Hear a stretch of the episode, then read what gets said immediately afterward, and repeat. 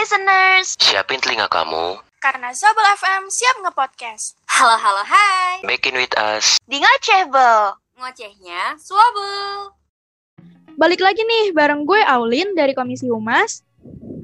Dan gue Sekar dari Komisi Seksi Bidang PSDM.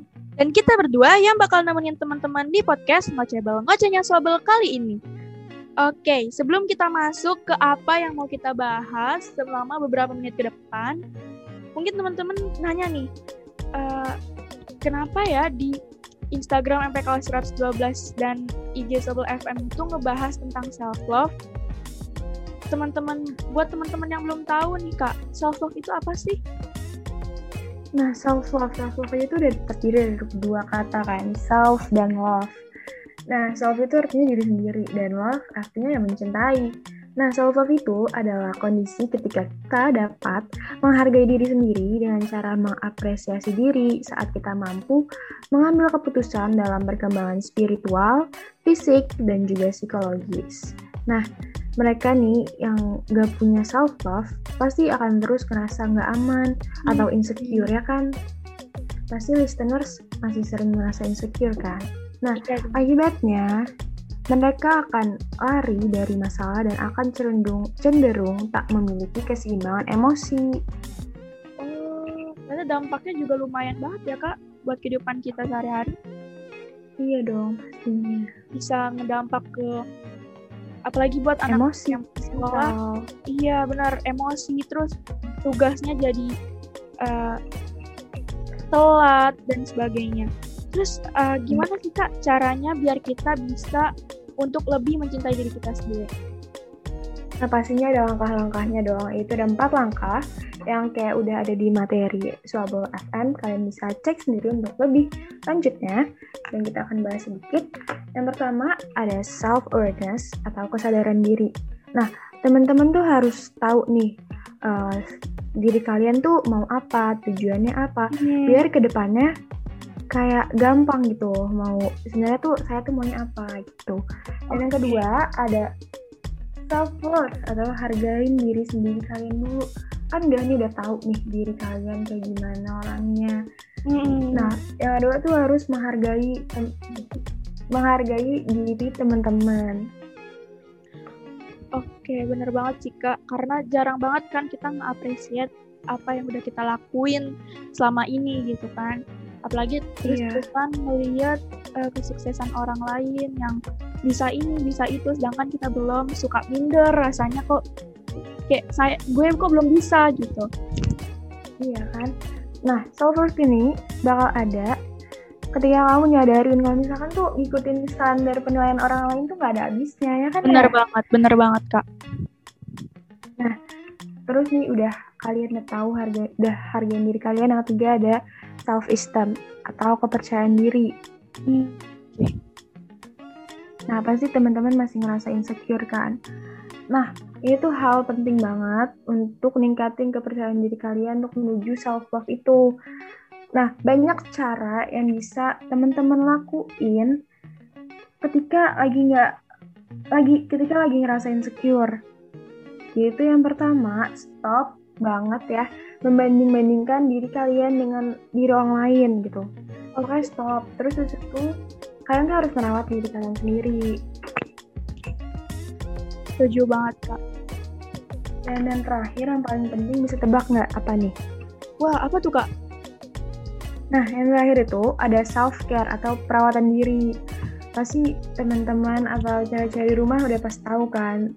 Ya udah sering lah gitu Iya, pasti sering lah mendengar kayak kata-kata skincare, terus me time yang emang itu bisa banget untuk ngebantu kita lebih mencintai diri kita sendiri karena dengan kita ngelakuin hal-hal itu kayak jatuhnya kita lebih buat mengenal gitu loh kak diri kita sendiri. Ya nggak sih?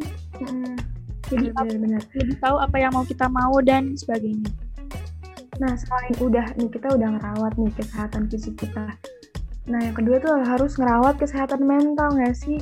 Kayak itu hal terpenting banget, apalagi lagi PJJ kayak gini. Itu mental tuh penting banget untuk dirawat, dan jangan lupa untuk merawatnya. Iya benar banget, Kak.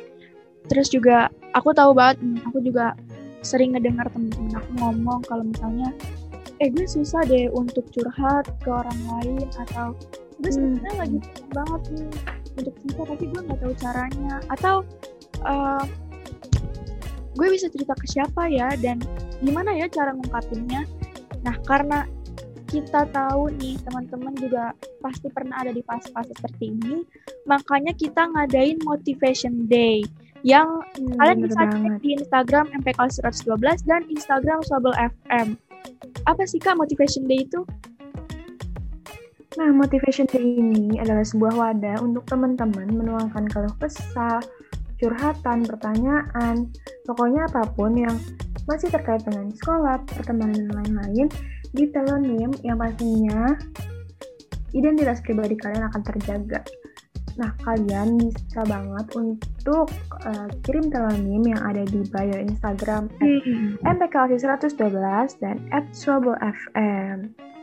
Oke, benar banget sih kak. Soalnya dida-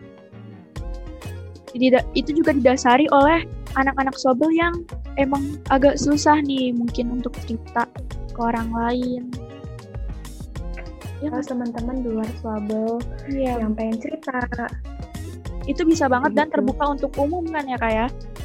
pasti Nah, jadi eh, buat teman-teman nih jangan lupa untuk nge-follow Instagram PKS 112 dan Instagram Sobel FM. Kenapa sih? Karena kita bakalan ngadain ngocebel lagi kan ya, Kak? Seti- kayak info-info tentang ngocebel itu bakalan ada di Instagram PKS 112 dan IG Sobel FM. Terus juga jangan lupa untuk nge-follow podcast ngocebel karena di Spotify karena biar kalian gak ketinggalan info-info terbaru dan podcast Ngocebel selanjutnya. Oke nih kak, langsung aja nih daripada berlama-lama, kita langsung panggil aja tamu spesial kita yang juga salah satu guru terkeren yang ada di Swabel dan pastinya teman-teman yang anak Swabel pasti kenal sih ini, udah familiar lah ya. udah familiar. Oke, langsung aja kita panggil guru terkeren dari Swabel yaitu Bu Satya Winara. Assalamualaikum Bu. Waalaikumsalam warahmatullahi wabarakatuh. Gimana nih Bu kabarnya lagi pandemi kayak gini? Aman kan ya Bu semuanya? Alhamdulillah sehat walaupun saya per, bulan lalu terpapar tapi alhamdulillah sudah sembuh. Alhamdulillah udah sembuh ya Bu. Semoga terus sehat selalu. Amin. Amin. Amin. amin. Oke, jadi eh, hari ini Bu kita bakalan ngebacain dan eh, ngebahas beberapa curhatan atau pertanyaan teman-teman yang udah masuk ke Mhm. telonim yang ada di Instagram MPK 112 sama IG MP eh, Sobel FM. Oke. Jadi teknisnya nanti seperti ini Bu. Kita akan ngebacain eh, satu persatu pertanyaan atau curhatannya, lalu Ibu tanggapi ya Bu. Baik. Baik. Oke, kita mulai. Ya, ada apa nih Lin yang pertama? Oke, kita ke eh, curhatan atau pertanyaan yang pertama. Yang pertama adalah minta tolong banget kasih motivasi buat seluruh teman kelas 12 Swabel, pejuang SNM ataupun SBM yang ibaratnya mereka sekarang lagi di fase terendah. Capek pasti, mental down. Jadi tolong banget kasih motivasi yang terbaik nih supaya Swabel 2021 semuanya dapat PTN yang diinginkan. Gimana nih Bu tentang penda- eh, curhatan yang satu ini? Oke, baik ya. Eh, pertama-tama saya eh, ucapkan terima kasih kepada panitia nih dari OSIS yang sudah menyelenggarakan acara ini. Ya, acara yang bagus ini setelah PJJ mungkin karena besok weekend nah, kita tetap nggak bisa ke mana-mana gitu kan ya. Nah, ada Iya bener banget Bu, tetap di rumah. Iya, kita masih tetap di rumah. Ada kegiatannya jadi ada pengisi waktu yang yang pengisi waktu yang tidak bikin bete gitu ya. Nah, pengisi waktu yang emang di- diperlukan gitu. eh itu yang pertama. Yang kedua, eh, anak-anakku yang mendengarkan ini, terutama yang kelas 12, mudah-mudahan yang kita sampaikan, yang kita obrolkan di sini ini bermanfaat untuk mereka gitu ya. Nah ini pertanyaan. Pertanyaan pertama, iya mungkin tid- eh, suasana di posisi sekarang seperti ini tidak hanya nanti juga akan di- dialami oleh kalian. Ini sekarang ke- kelas berapa? Aku kelas 11, Bu, dikit lagi. 11. Iya, berarti tahun depan akan di posisi yang sama. Memang ketika di ujung-ujung ini perasaannya begini, jenuh, bete, merasa apa ya, nggak menentu gitu ya. Aduh, bisa nggak ya? Aduh, bisa nggak ya? Gitu ya. Saya pun pernah merasakan hal ya, sama. Iya, betul. Saya pun waktu kelas dulu sih tidak ada kelas namanya kelas 3 ya. Waktu kelas 3 SMA merasakan hal yang sama. Sampai buku sejarah itu saya tumpuk mau ujian, ada ujian dulu ya nasional eh, namanya EPTA. Nas Eptanas. Oh. Ini guru sejarah, buku sejarah sebanyak ini mulainya dari buku yang mana yang harus saya baca gitu ya. Banyak banget ya, banyak tebal iya Eh, jadi begitu dan fase ini wajar kita lewati gitu ya. Kita di kelas 12 wajar siapa yang loncat eh, dari kelas 11 ke langsung kuliah kan kayaknya enggak ya? Kita harus ada ujian dulu. Jadi ini normal ya Eh, ini normal dan eh, kalian mengalami hal yang sama nanti juga Sekar dan siapa? Teman satu Aulin juga akan mengalami hal yang sama nanti ketika posisinya di kelas 12 Nah, lalu anak-anakku di kelas 12, eh, percayalah bahwa kalian itu bisa, tapi tentu dengan usaha, gitu ya. Tidak hanya pasrah begitu saja, gitu ya. Jadi yang pertama saya sebutkan hal ini wajar. Lalu eh, yang kedua adalah kita usaha. Kita kita harus berusaha. Saya analogikan begini, ketika kemarin saya sekeluarga terpapar, itu kan uh, kita harus usaha ya bagaimana caranya uh, sembuh gitu ya. Lalu Iya. Sorry, kita ke, ke ke rumah sakit hanya bisa satu orang yang dirawat, lalu yang merasa lebih uh, lebih sehat itu dirawat di rumah, ya sudah itu solusinya satu solusi satu orang sudah masuk rumah sakit. Jadi yang dua di rumah usaha lagi di rumah. Bagaimana kita cara mengobatinya? Usaha lagi eh, tanya-tanya orang yang ahli lalu baca eh, lihat-lihat channel YouTube eh, ada saran-saran dari dokter yang memang eh, dokternya kompeten. Nah, itu kan usaha kita. Sama dengan kalian yang kelas 12 juga. Mau ke perguruan tinggi bagaimana caranya? Sudah ikut belajar tambahan mungkin ya. Lalu eh, tanya sama teman-temannya yang lebih pandai di kelasnya siapa yang lebih pintar matematika nah itu bisa tanya sama dia belajar bersama belajar bersama online juga kan bisa sekarang mah kalian bikin meet begini juga kan bisa pribadi Iya, Ya. Iya, bisa banget, Bu. Eh, betul, ini aja kalian bisa buat seperti ini. Dan jangan lupa kita berdoa, memohon kepada Yang Maha Kuasa. Yakin Allah itu tidak akan menguji kita di luar kemampuan kita, begitu kan ya? Ada Iya, jawabannya itu. Itu yang saya kami lakukan juga kemarin. Ya, saya na- analogikan begitu ya. Saya juga hopelessnya harus bagaimana, begitu ya. Nah, itulah.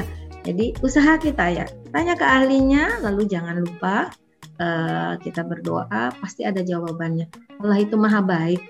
Ah, Dikasih jawabannya walaupun mungkin jawabannya di luar yang kita perkirakan. Tapi Iya. itulah jawaban yang terbaik yang Allah berikan kepada kita ya.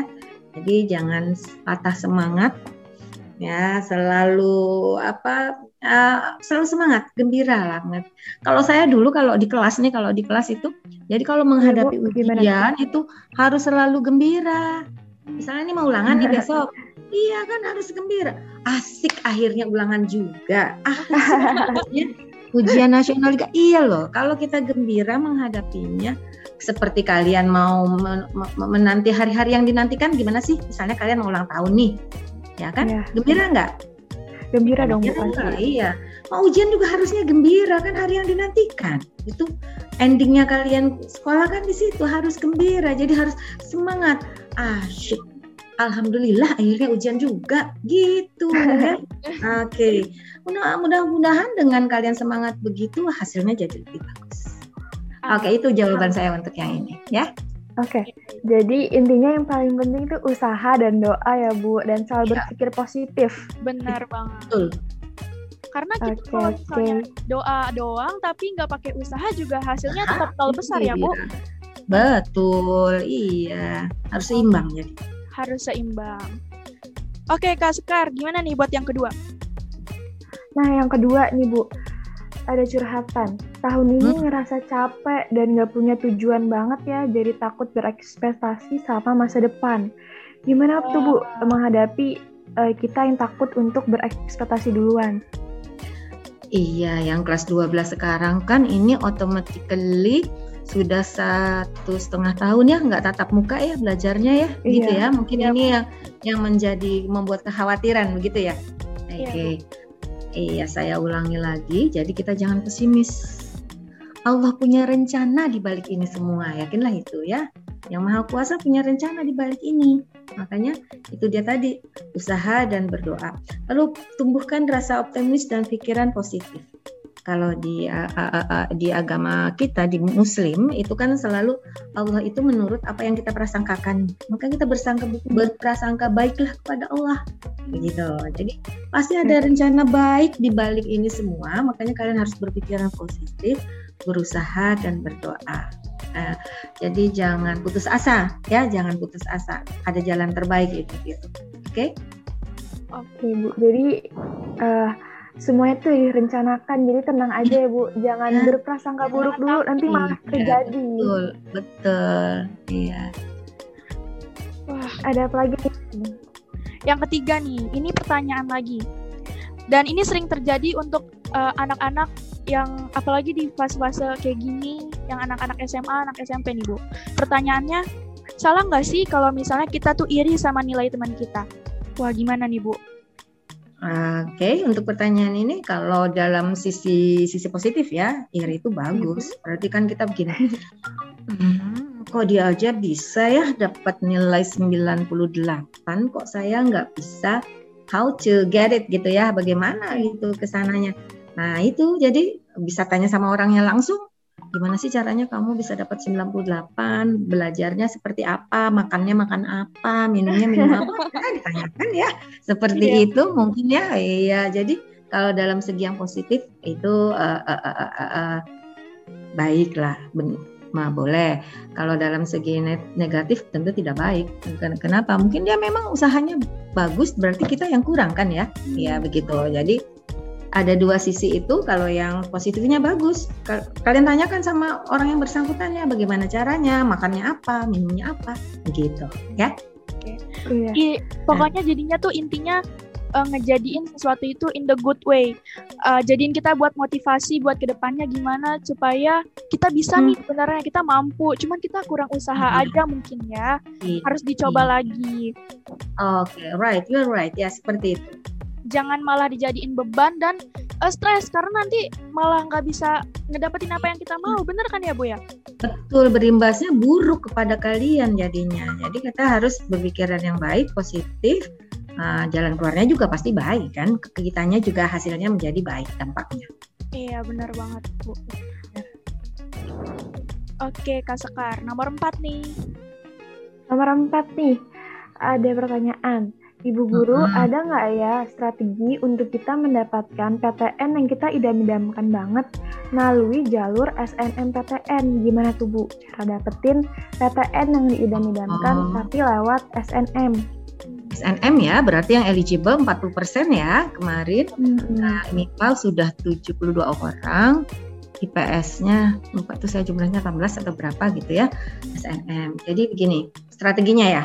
Yeah. Nah, Oke. Okay kalau bisa sih kalian buat WA group masing-masing teman MIPA yang 40%, lalu IPS yang 40% juga. Itu kan masing-masing berdiri sendiri. Jadi begini loh yang terjadi. Tidak kalian tidak mendapatkan atau tidak lulus SNM itu pertama karena di dalam sekolah sendiri sudah terjadi persaingan. Misalnya uh, Ani, misalnya Ani pilih matematika UI, lalu uh, Rini pilih matematika UI juga, berarti kan sudah bersaing ya di antara iya, kita. Iya, udah Bu. Uh, uh, jadi kalau nilainya lebih tinggi Rani, maka Rani nanti yang dapat. Biasanya satu sekolah itu satu, ada sih yang satu sekolah dua, tapi itu jarang. Jadi kalau sudah bersaing di sekolah di intern kita sendiri, kita sudah kalah duluan tuh belum bersaing dengan teman-teman kita yang lain. Nah, lain yang satu Indonesia ya Bu. Iya kan banyak se Indonesia. Jadi kalau nanti kalian punya WA group, kalian bisa pampang sendiri aja nilainya berapa, pilihannya mana. Nanti didiskusikan tuh Nah, mungkin nanti Ani pengen matematika juga yang nilainya lebih rendah dari Rani tadi, pilih universitas Yang lain. Oh, Iya, yang grade-nya lebih rendah gitu ya. Nah, jadi itu itu solusi satunya. Yang kedua memang kita sulit ya. Kadang-kadang pokoknya saya maunya matematika, maunya UI. Nah, gitu. hmm, sering Udah ya, matematika, maunya iya, maunya matematika, maunya UI. Tapi kalian harus eh, paham konsekuensinya. Ya jadinya seperti itu gitu ya. Eh, saya sering bicara dengan anak-anak. Kalian pilihnya mana? Universitas atau jurusan? Kalau universitas kan gini, saya pokoknya maunya UI. Pokoknya maunya pakai jaket kuning. Kuning. Nah, wah. Iya. Hmm, jadi kalian harus lihat ininya ya, eh, peluang nilainya di sana. Kalau mau pakai jaket kuning dengan nilai saya segini, jurusannya apa tuh? Gitu. Oh, oh. Ada lagi orang yang kedua, yang penting saya kedokteran. Hmm, jurusan ya, Nah, Bu. jadi Iya jurusan. Yang penting saya maunya kedokteran. Nah, kalian dengan nilai segitu lihat kedokteran mana yang yang yang yang sesuai dengan nilai kalian. Ya, Tapi hati-hati lihat universitas itu ada di mana. Nanti pilih Uncan, nggak tahu Uncan ada di mana ya ke sananya jauh ya mahal butuh waktu lama. Iya, begitu ya. Nah, nah, jadi itu strateginya. Jadi diskusilah dengan teman-temannya satu kelompok. Ya. Oh, Jangan lupa tanya guru BK juga. Nah itu paling penting ya Bu. Iya, nanti mereka kasih solusi biasanya. Tadi kan sempat disinggung nih Bu, eh, kalau misalkan SNM tuh kuotanya cuma untuk 40% dari eh, yang siswa di sekolah. Nah gimana nih Bu, kalau misalkan pesan untuk teman-teman nih yang nggak dapet kuota 40% itu, Hmm. ada nggak Bu pesannya untuk kakak-kakak yang nggak dapet? Anak-anak, iya nggak dapat kuota anak-anakku. Eh, kalian mungkin yang pernah datang ke sekolah, lihat ya di depan masjid itu nama-nama teman-teman kalian yang diterima di perguruan tinggi negeri. Sekarang lihat Iya, di nggak? ban- Iya Bu, Iya, ada di banner ya Bu. Ada di banner. Itu kan lebih banyak dari yang mandiri kan, dari yang SNM, iya nggak? Iya, Saya ingat kemarin cuma 18 deh. Berarti di- tidak hanya SNM, kalian bisa mandiri. Malah lebih banyak yang mandiri. Anak kelas SMA 112 tuh keren-keren loh. Kalian tidak menyadari aja potensi kalian.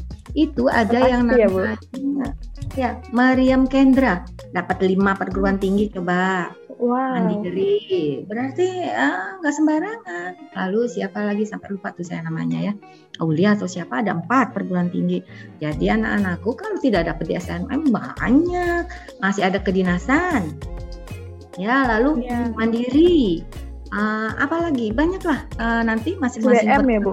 ya SB- SBM yang buka eh, apa jalur-jalur tertentu. Jadi jangan kecil hati dulu. Masih 40%, masih 60%, masih banyak sisanya. Ya. Oke? Semangat. Iya. Masih bisa. Oke. Jadi SNM itu nggak segalanya ya Bu, tapi ada SBM, terus uh, juga bisa masuk kedinasan. Ada banyak Iya, jalan betul. menuju Roma ya Bu. Betul. Betul betul sekali. Oke. Oke. Selanjutnya ada apa lagi nih Lin? Selanjutnya, ini ada pertanyaan. Pertanyaannya, apakah menurut Ibu Guru, kehidupan kita di SMA sangat berpengaruh terhadap kehidupan kita di kuliah atau kerja nanti? Seperti sosialisasi, terus apa sih yang sebanyak kita maksimalkan di SMA ini, Bu? Nih pertanyaannya, Bu. Iya. Apa Bu, yang harus kita maksimalkan? Benar sih. Jadi begini. eh malah mungkin mungkin harus ditingkatkan. Jadi kebiasaan kita belajar di SMA itu nanti akan terbawa kan ketika kuliah ya begitu. Ya, Bu. Tapi kemarin saya baru ngobrol-ngobrol dengan alumni SMA 112 yang magang jadi guru di oh, SMA 112 ya di guru. Ternyata cara belajar kita itu harus ditingkatkan. Saya juga pernah merasakan jadi mahasiswa agak beda loh. Ya, begitu. Mereka itu eh, kita dituntut lebih mandiri. Nah, contoh sederhana ya, contoh sederhana. Kalau kita tidak hadir tiga hari berturut-turut, berturut-turut diapain? Oh, Panggilkan dipanggil. orang tuanya kan ya? orang tua. Iya. Iya. Iya. Kalau kuliah mah nggak ada tuh panggilan orang tua. Iya, nggak akan orang tuanya dipanggil. Tahu-tahu tidak boleh ujian aja.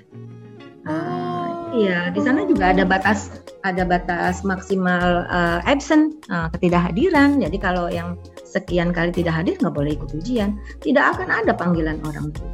Nah itu itu yang pertama. Yang kedua, kita kalau ambil raport secara tatap muka yang ambil raport siapa? Orang tua, Bu. Tua. Orang tua. Kuliah mana pernah ambil transkrip nilai orang tua? Oh iya. Iya, kita sendiri so jadi ketika kuliah itu agak lebih apa ya, lebih diajar untuk mandiri.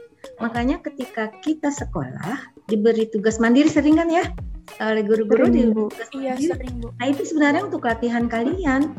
Kalian itu tidak kuliah tidak akan ditanya tugasnya belum kumpul atau tidak. Hmm. Atau nilainya kurang aja begitu ya. Oh iya ya. Iya, jadi gaya belajar eh, atau bersosial kita di SMA itu harus ditingkatkan nanti kalau kuliah gitu. Oh. gitu. Harus lebih mandiri juga ya, Bu. Harus lebih mandiri karena semuanya tidak akan mm, tidak akan banyak melibatkan orang tua. Itu urusan kita sendiri kalau sudah kuliah. Iya. ya. Ya. Ibu, Berarti baik. kita harus lebih jauh lebih mandiri dan jauh lebih disiplin ya Bu malah itu yang harus Betul. ditingkatin sebenarnya. Betul. Betul, Oke. betul, betul. Nggak akan ada model Pak Eko nanti kalau kuliah yang ngejar-ngejar kuliah. Nggak ada seperti Bu Ernita yang memperhatikan baju-baju gitu, enggak, Hmm, enggak. yang Pokoknya ada, kalian Bu. sendiri. Iya, semuanya menjadi tanggung jawab kalian sendiri. Berat ya, Bu, kalau didengar-dengar. Sebenarnya, tapi eh, mungkin bagi sebagian orang itu mengasihkan kan tidak ada yang memantau gitu ya. Tidak Oh, ada yang iya. bebas terlalu ya. terlalu ikut campur bebas tapi menjadi tanggung jawab gitu ya menjadi tanggung jawab besar bagi kalian itu nah itulah di sana ya kalau kuliah itu bedanya dengan SMA di sana jadi tidak ada yang memantau secara apa ya secara dekat gitu tapi hasilnya itu ya udah itu kalian sendiri gitu ya Semuanya itu berdasarkan kita sendiri ya Bu. Betul betul Oke. Eh, nih Bu, kan sekarang kita lagi eh, ngelakuin PJJ atau pembelajaran jarak jauh. ya Tidak kita tuh eh, nggak bisa melihat secara langsung si- eh, kondisi dari anak yang melakukan PJJ itu kan Bu. Hmm. bisa saja dia sedang ada punya permasalahan keluarga di rumahnya atau keterbatasan finansial yang Ya. sering sering terjadi eh, sering menjadi faktor terhambatnya pembelajaran jarak jauh yang dia lakukan. Gimana sih menurut Ibu tentang eh, anak-anak yang punya problem di rumahnya, apalagi tentang PJ eh, sedang sedang PJJ, bagaimana caranya kita harus menanggapi hal-hal yang seperti itu, Bu? maksudnya yang yang menanggapinya siapa nih guru atau kalian sebagai teman Eh, kita sebagai murid, Bu. Oh sebagai temannya tem- sebagai teman yang temannya punya masalah gitu Iya, betul, Bu. Iya. Oke, dari sudut pandang guru dulu ya. Nah, dari sudut pandang guru dulu. Kami sangat menyadari itu ya. Eh, kalian kan datang dari eh, kondisi dan latar belakang yang berbeda-beda, ya kan ya? Nah, Ya, Bu. jadi Ya, kami pasti. sangat menyadari itu. Makanya itulah eh, sangat dibutuhkan komunikasi antara sekolah dan orang tua. Nah, Oke. begitu. Jadi kalau terjadi permasalahan, jangan ragu-ragu untuk mengkomunikasikannya kepada sekolah. Gitu. Contoh sederhana, belum lama ada anak yang hmm, HP-nya itu dipakai untuk bertiga bersaudara gitu ya. Jadi Wah. pada HP-nya hanya satu, jadi dipakai untuk adiknya yang SMP, dipakai lagi untuk adiknya yang SD.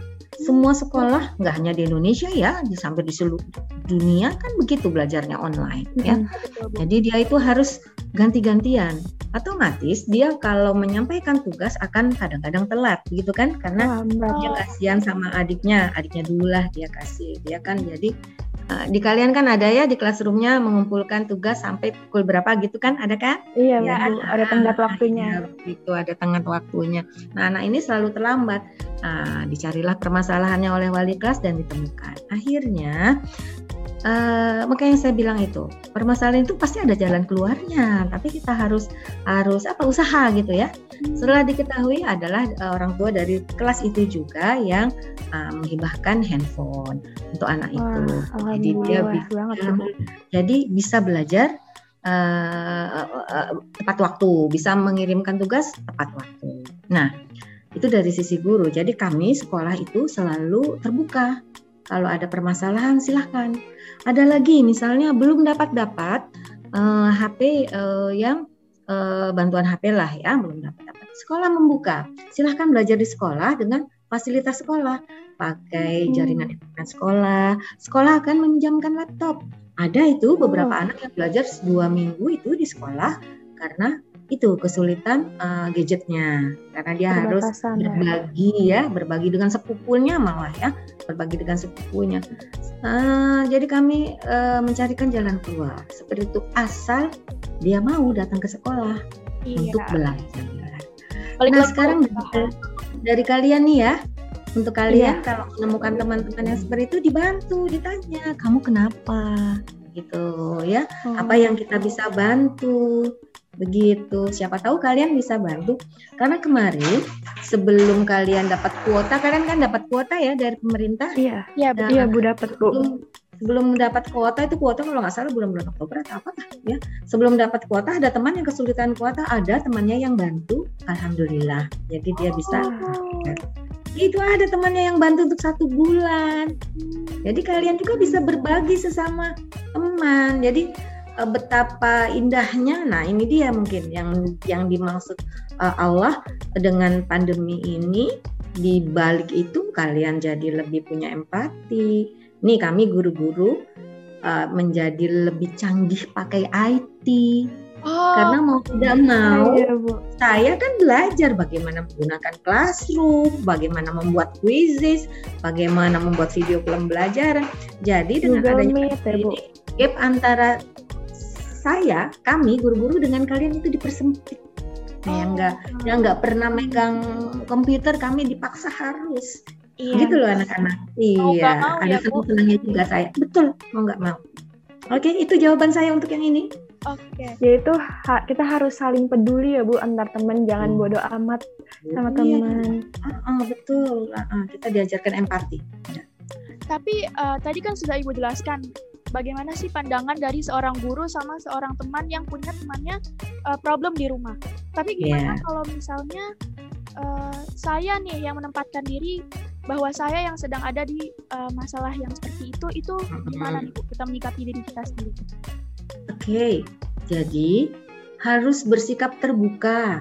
Nah, harus bersifat bersikap terbuka, jangan menutup diri Iya. Orang tidak akan tahu kita punya kesulitan, punya masalah kalau tidak kalau tidak diungkapkan, begitu kan? Ya, Ma mana saya tahu Aulin punya masalah apa kalau Aulin tidak bilang sama saya, kalau Sekar tidak bilang sama saya, saya tidak tahu. Seperti tadi saya kuisis di kelas IPS 2 ada siapa lupa tuh namanya anak laki-laki yang bilang bahwa dia sinyalnya bermasalah jadi bisa tidak terbuka terbuka karena dia bilang sama saya saya akan carikan jalan keluar lain. Gitu. Kalau dia tidak informasikan ke saya saya mana tahu? Saya hanya beranggapan ini anak males. Males gitu. iya. iya.